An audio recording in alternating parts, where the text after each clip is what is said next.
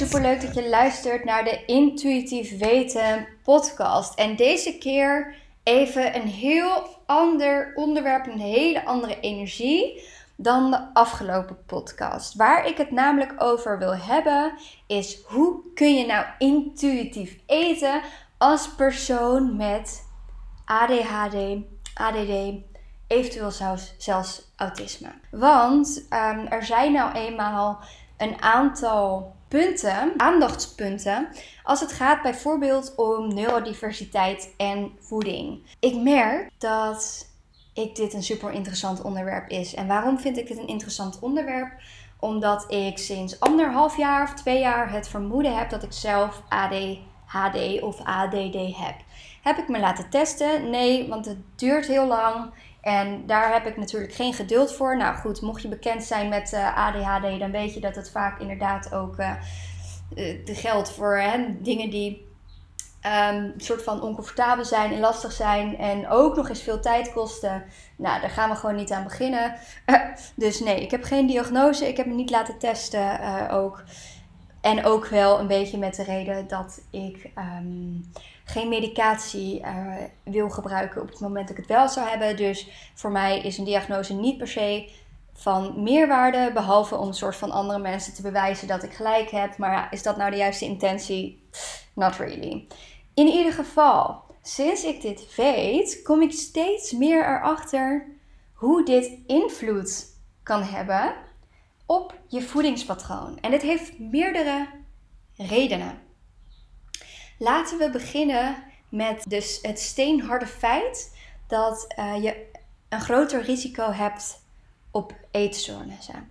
En dat heeft er ook een beetje mee te maken dat mensen met ADHD, ADD, eh, autisme, die hebben vaker last van een lager zelfbeeld.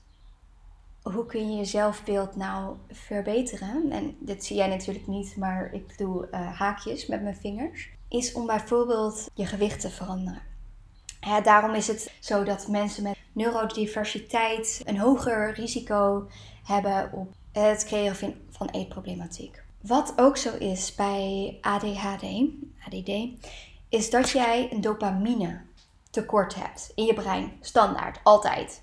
Dat kun je misschien ook wel begrijpen, zeker als jij uh, mijn podcast, meerdere van mijn podcasts hebt geluisterd, dat eten en zeker bepaald soort eten zorgt voor een dopaminekick. Net als scrollen, hè, series kijken, um, likes krijgen op je social media, eh, sporten ook overigens. Maar dat als jij dus al standaard een tekort hebt, dan kan ik me dus ook heel goed voorstellen dat jij het ergens onbewust gaat zoeken in eten. Of het nou is omdat je gestrest bent, of dat je op zoek bent naar prikkels, omdat je je verveelt. Want mensen met ADHD, ADD, ik geloof ook autisme. Moet wel eerlijk zeggen, daar heb ik. Min, daar ligt mijn expertise minder in. Gewoon puur omdat ik uh, volgens mij geen autisme heb. Ik weet natuurlijk niet, want ik heb voor niks een diagnose, dus who knows. Maar um, dat, dat gevoel heb ik niet. Anyway, dan kan je je misschien wel voorstellen dat je bepaalde voedingskeuzes gaat maken. Dat je op zoek gaat naar prikkels. Want je hebt meer prikkels nodig dan iemand die neurotypisch is. Dus kan je misschien voorstellen dat het ook met uitdagingen komt om daadwerkelijk intuïtief te eten. Want wanneer is het jouw intuïtie die spreekt? Wanneer is het jouw lichaam die spreekt? En wanneer is het gewoon het op zoek zijn naar prikkels? En waar stopt het dan? Want wat het met de dopamine ook is, op het moment dat jij bijvoorbeeld elke dag twee koekjes eet. Het geeft je dopamine. Hè. Dopamine komt vooral vrij bij de combinatie van suiker, snelle suikers vooral, met vet, zout ook. En überhaupt veel calorieën. En dit is qua ons, ons biologie is, en het is super logisch. Weet je, het zorgt ervoor dat we overleven, dat we een soort van voorraadje kunnen opbouwen. Ja, dus daarom reageert ons lichaam daar op een bepaalde manier op van ik wil hier meer van. Nou, stel je eet dus die twee koekjes per dag. Op een gegeven moment zul je zien dat die twee koekjes het er niet meer helemaal doen. Het is namelijk zo dat jouw cellen, die worden resistent voor die dopamine. Dus je kunt het zo zien, je hebt een cel met receptoren en die receptoren die kunnen die dopamine ontvangen. En op een gegeven moment hebben je cellen niet meer genoeg. Worden resistent. Er komen meer receptoren bij die opgevuld moeten worden. Om hetzelfde gevoel te creëren. Hetzelfde gevoel als wat jij eerst met die twee koekjes had. Daar moet je nu misschien drie koekjes voor eten. Misschien wel vier. Is het dan intuïtief eten? Niet echt. Maar dat is ingewikkeld. Daarbij komt natuurlijk ook het stukje. Oh, ik weet het niet meer. Ja, dat is dus ook. dit is dus ook een van de redenen waarom ik vermoed ook ADHD heb. Met een hele waslijst andere dingen waar ik het niet over ga hebben. Ehm, maar ik kan dus midden in een zin gewoon afgeleid zijn en vergeten waar ik het over heb. Laat me even denken. Ja, als je ADHD hebt, dan is impulsiviteit vaak een ding. Dus ondanks dat jij iets voor jezelf bedenkt, ondanks dat jij voor jezelf hebt bedacht van nou, ik wil gezondere voedingskeuzes maken, dan kan het alsnog zijn dat jij in het moment zelf gewoon een impuls krijgt en daar handel je direct naar. En dat kan dus een impuls zijn dat je misschien iets eet wat eigenlijk niet in lijn staat met wat jij zou willen eten en wat daadwerkelijk goed voor je is. En waarmee jij dus er eigenlijk voor zorgt dat jij niet dopamine resistent wordt. En eigenlijk steeds meer suikers en dat soort voeding nodig hebt om maar diezelfde kick te krijgen, om maar hetzelfde gevoel te krijgen. Dan kan je natuurlijk een impulsieve reactie hebben en toch denken, ah fuck it. en het misschien zelfs ook wel verwarren als ja, maar dit is mijn intuïtie. Zeker als je bezig bent met intuïtief eten. herkenbaar. Daarnaast een stukje hyperfocus. Mensen met ADHD en ADD, die kunnen zich soms, die kunnen zich niet altijd heel goed concentreren. Maar wanneer ze eenmaal die focus te pakken hebben, dan kunnen ze zich in een bepaalde staat van flow bevinden, waarin je heel erg gefocust bent. En dat je, de, de tijd is geen ding meer. Je bent alleen maar bezig met hetgene waar jij de focus voor hebt. Nou, ik heb nu bijvoorbeeld, dit is mijn derde podcast achter elkaar die ik opneem. Um, er is al bijna een uur voorbij en ik zit er lekker in. Ik wil niet stoppen, want ik zit in mijn hyperfocus. Helemaal oké. Heeft er wel voor gezorgd dat ik nog steeds niet geluncht heb. Kan er prioriteit aan geven. Dat ga ik zo meteen ook zeker doen. Maar dat kan er dus ook voor zorgen dat het opeens de lunchtijd voorbij is. En ik zit nu vandaag in een privilege dat het oké is en dat ik niet afspraken heb staan waardoor ik zeg maar wel gewoon zo meteen ervoor kan kiezen om te eten. Maar het is ook echt wel vaker uh, voorgekomen dat ik in een hyperfocus zat. Opeens was de tijd voorbij, had ik een afspraak, heb ik niet kunnen eten, heb een hele maaltijd overgeslagen waardoor ik zoveel honger had dat ik bij de volgende maaltijd dat, tenminste dat mijn lichaam dat ging inhalen. En dan zit je misselijk op de bank, want dan heb je eigenlijk te veel gegeten omdat je zoveel honger had. Nou, wat ook vaker voorkomt bij mensen met ADHD is dat er een beetje moeite is bij het plannen en vooruitdenken. Want hoe je het eigenlijk kunt zien en ehm, als jij ADHD hebt, dan zul je het misschien wel herkennen. Als je het niet hebt, dan is dit even een leuke vergelijking. Maar bij mensen die geen ADHD hebben, die, voor hun is het makkelijker om een soort van drie stappen vooruit te denken. Bij mensen met ADHD zeker als het gaat om dingen die moeite kosten, is het of nu of niet nu. Zo zien wij of zij de tijd. Dus op het moment dat ik in de supermarkt sta en ik heb eigenlijk, ik kan even niet bedenken wat ik uh, later wil eten, dan kan ik dus heel makkelijk denken: oh ja, dat komt later wel, denk later wel over. En dan heb ik bijvoorbeeld de volgende dag dus geen tijd om naar de supermarkt te gaan. En dan moet ik avondeten koken. En dan is er niks. En dan? en dan kies je toch weer makkelijker voor, uh, zeker als dat een gewoonte voor je is, om iets wat of minder goed vult, of je eet te weinig, of je bestelt iets, of wat het dan ook is, of je hebt zoveel honger gecreëerd, nogmaals, dat um, je maar zorgt en daar, ja, dat je maar zorgt dat je gewoon iets eet. Uh, en dat is, dat is misschien wat ongezonder dan je eigenlijk zou willen. En daarmee wil ik niet zeggen dat uh, je niet snel iets kan maken wat ook gezond is. Dat kan zeker. Maar het kan wel een uitdaging zijn. Het uitstellen en überhaupt het plannen en dat soort dingen. Trouwens, ik kom later ook terug bij hoe je nou uh, ja, wel meer intuïtief kunt gaan eten met ADHD En hoe je ook gewoon überhaupt gezondere keuzes kunt maken met ADHD of ADD en autisme. Nou, mocht jij wel medicatie gebruiken um, voor ADHD of ADD, dan is een bijwerking van die medicatie dat je je hongergevoel niet meer zo goed kan aanvoelen. Je krijgt dat signaal niet meer zo goed binnen. En dat kan ervoor zorgen dat jij eigenlijk een stuk minder eet dan dat jij behoefte hebt. Dat kan er dus voor zorgen dat jij ongewenst gewicht verliest of dat je bepaalde tekorten oploopt of dat wanneer jouw medicatie is uitgewerkt dat je zoveel honger hebt gekregen dat je dat in één keer moet inhalen, waardoor jij een soort van eetpatroon krijgt. Waarbij jij dus de hele dag te weinig eet en s'avonds veel te veel, waardoor je misschien ook wel weer minder slaapt. Waardoor je in de ochtend weer niet zoveel honger hebt. Nou, neem je medicatie, dan heb je helemaal geen honger. En dan eet je s'avonds weer te veel. En it's a mess. Het is een bijwerking van ADHD-medicatie. Als laatste, wat ik nog als oorzaak wil zeggen, ehm, waarom het lastig kan zijn om intuïtief te eten als persoon um, met neurodiversiteit, die neurodivers is, is interoceptie. En dit betekent eigenlijk, en het komt eigenlijk voornamelijk voor bij mensen met um, autisme, hoeft niet, maar het kan.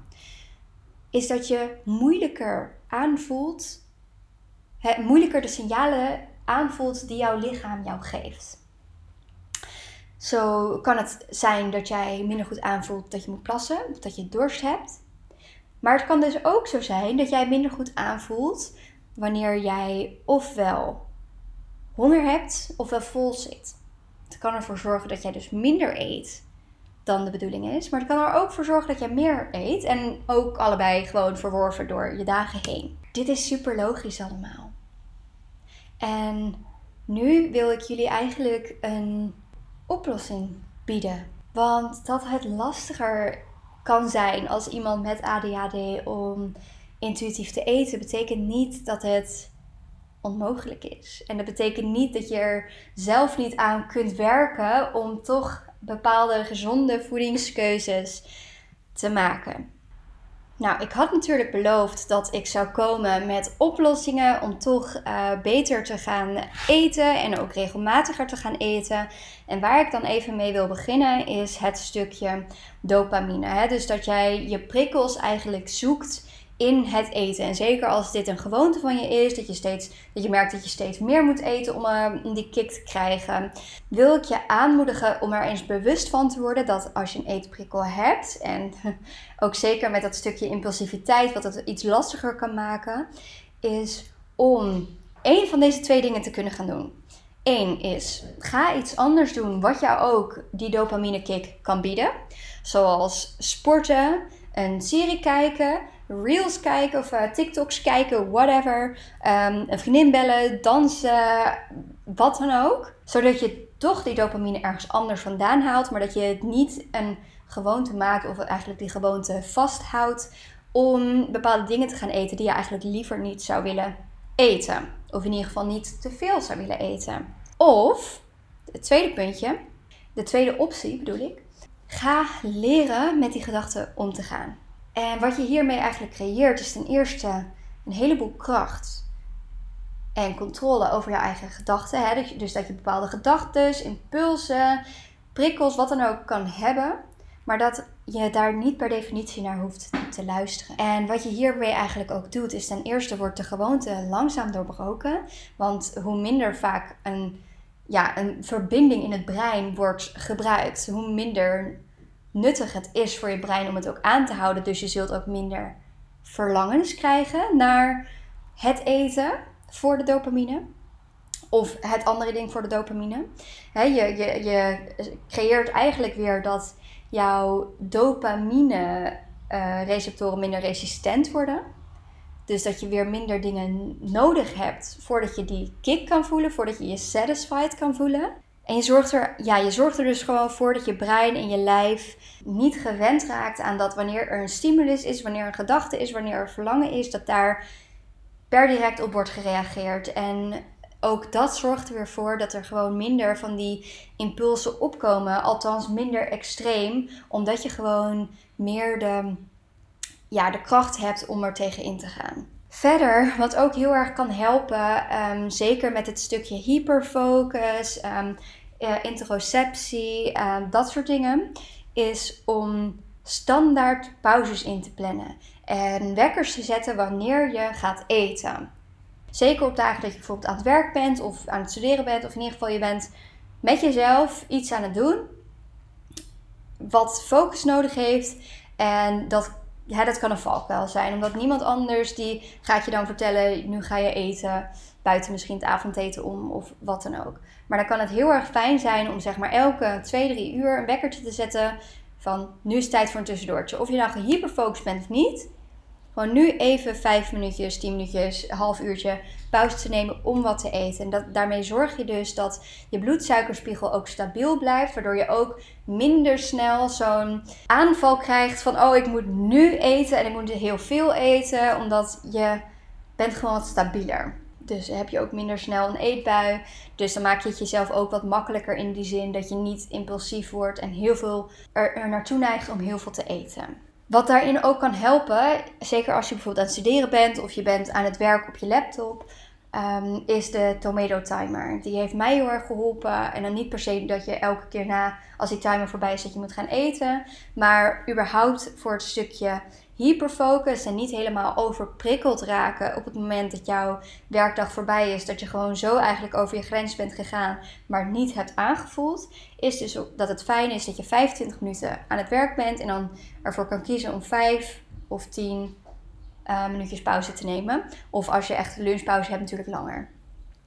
En dit houdt je ook gefocust. Het maakt het ook voor jouw brein makkelijker om weer aan het werk te gaan. Omdat het maar voor 25 minuten is dat je hoeft te focussen. Zodat je het minder lang hè, uit uh, neigt te stellen.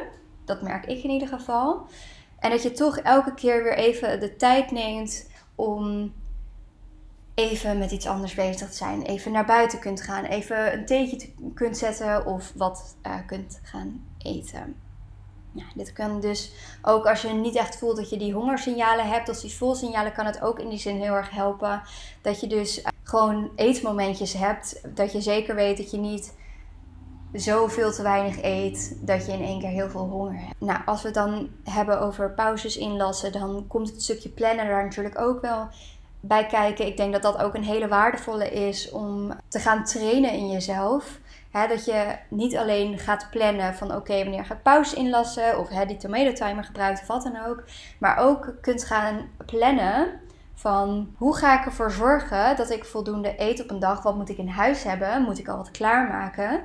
Uh, het verschilt natuurlijk een beetje per situatie. Sommige mensen die kunnen heel makkelijk uh, gewoon elke dag boodschappen doen. Nou, prima als dat, dat fijn is, dan kun je dat lekker blijven doen. Dan kun je ook heel erg aanvoelen waar heb ik vandaag behoefte aan. Maar laten we ook wel wezen, heel veel mensen hebben niet die, ja, die, die kunnen dat niet. Die moeten naar, naar school of naar werk of um, die hebben gewoon niet de tijd om elke dag dat uh, even te doen. Nou, dan kan het dus fijn zijn, zeker als het überhaupt druk hebt, om ook dus boodschaplijst te maken voor in ieder geval drie à vier dagen. En omdat je het dan op drie à vier dagen houdt en niet gelijk een hele week, is het ook minder overweldigend om voor een hele week te moeten bedenken wat je allemaal gaat eten. Dus dat, dat werkt vaak. Uh, tenminste, dat merk ik bij mezelf. Het kan zijn dat jij een week wel fijn vindt. Maar als ik moet gaan bedenken wat ik een week ga eten, dan komt het er eigenlijk op neer dat ik uiteindelijk gewoon voor vanavond boodschappen doe en de rest niet.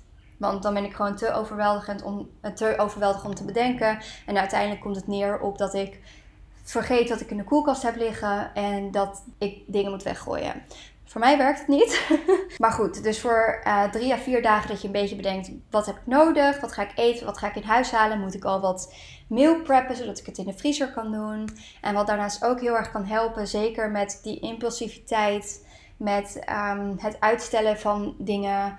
En zeker als je ook een druk leven hebt, waarbij je dus niet altijd de tijd hebt om om vijf uur een beetje te beginnen met koken, zodat je om zes uur kunt eten maar dat je eigenlijk gewoon heel erg honger hebt als je thuis komt, helpt het ook heel erg om er compassie voor te hebben dat niet alles perfect gezond en hè, uh, dat duurzaam misschien zelfs moet zijn. Wat ik namelijk standaard doe, is ik haal voorgesneden groenten in huis. Ik gebruik blikken bonen, waar ik sowieso niks op tegen heb. dat even terzijde. Ik eet best wel vaak dezelfde maaltijden en daar ben ik oké mee, omdat, omdat het voor mij werkt. En tuurlijk weet ik vanuit het diëtistenperspectief dat variatie beter is. En qua kosten is het ook beter om niet voorgesneden groenten te halen. Maar het geeft mij zoveel rust dat ik er toch voor kies om het op deze manier te doen. Wat ook kan helpen, ik doe het niet. Ik heb het wel een tijdje gedaan, maar ik doe het niet. Is om een maaltijdplan te maken. Ook weer voor een dag of drie of vier of de hele week, net wat je fijn vindt. Zodat je niet elke keer heel actief hoeft na te denken. Wat wil ik nu eten? Waardoor je in een soort van paralysis komt. Dat ervoor zorgt dat je of uitstelt dat je gaat eten. Of ehm, ja, ja, nou eigenlijk vooral dat. Dat je uitstelt dat je gaat eten. Waardoor je vervolgens, vervolgens zoveel honger hebt. Dat je toch maar weer eindigt met een uh, boterham met jam. En niet dat daar wat verkeerd mee is. Maar er zijn zeker voedzamere keuzes. En als je nou merkt dat je uh, moeite hebt inderdaad met dit soort dingen. En het voor jezelf bedenken. Wat kun je dan eten wat nog wel gezond is en snel? En wat zijn nou, uh, ja, hoe, kun je, hoe weet je nou wat een goede portie is als je niet zo goed aanvoelt of je wel of niet honger hebt en dat soort dingen.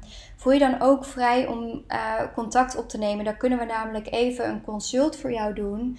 Wat specifiek gaat over gezonde voeding, intuïtief eten bij ADHD, ADD of autisme of nou, mocht je het alle drie niet hebben, maar je herkent je toch hierin, dan kunnen we daar ook gewoon naar kijken. Überhaupt het stukje intuïtief eten. Terwijl je soms moeite hebt met het stukje, ja, realiseren ervan, tijdsplanning, dat soort dingen. Ja, ik ga hem hierbij afsluiten, want ik merk dat nou, ik en echt moet gaan lunchen het is, en de hond uit moet gaan laten. Het is inmiddels uh, tien over half vier. Ik heb honger. Ik, ja, ik moet eten en de hond moet plassen. Maar in ieder geval, ik hoop dat je hiermee weer even wat inspiratie hebt, informatie hebt. En ja, laat me vooraf weten als je er wat aan hebt gehad. Dat vind ik hartstikke leuk om te horen. Alright, tot de volgende. Doei doei!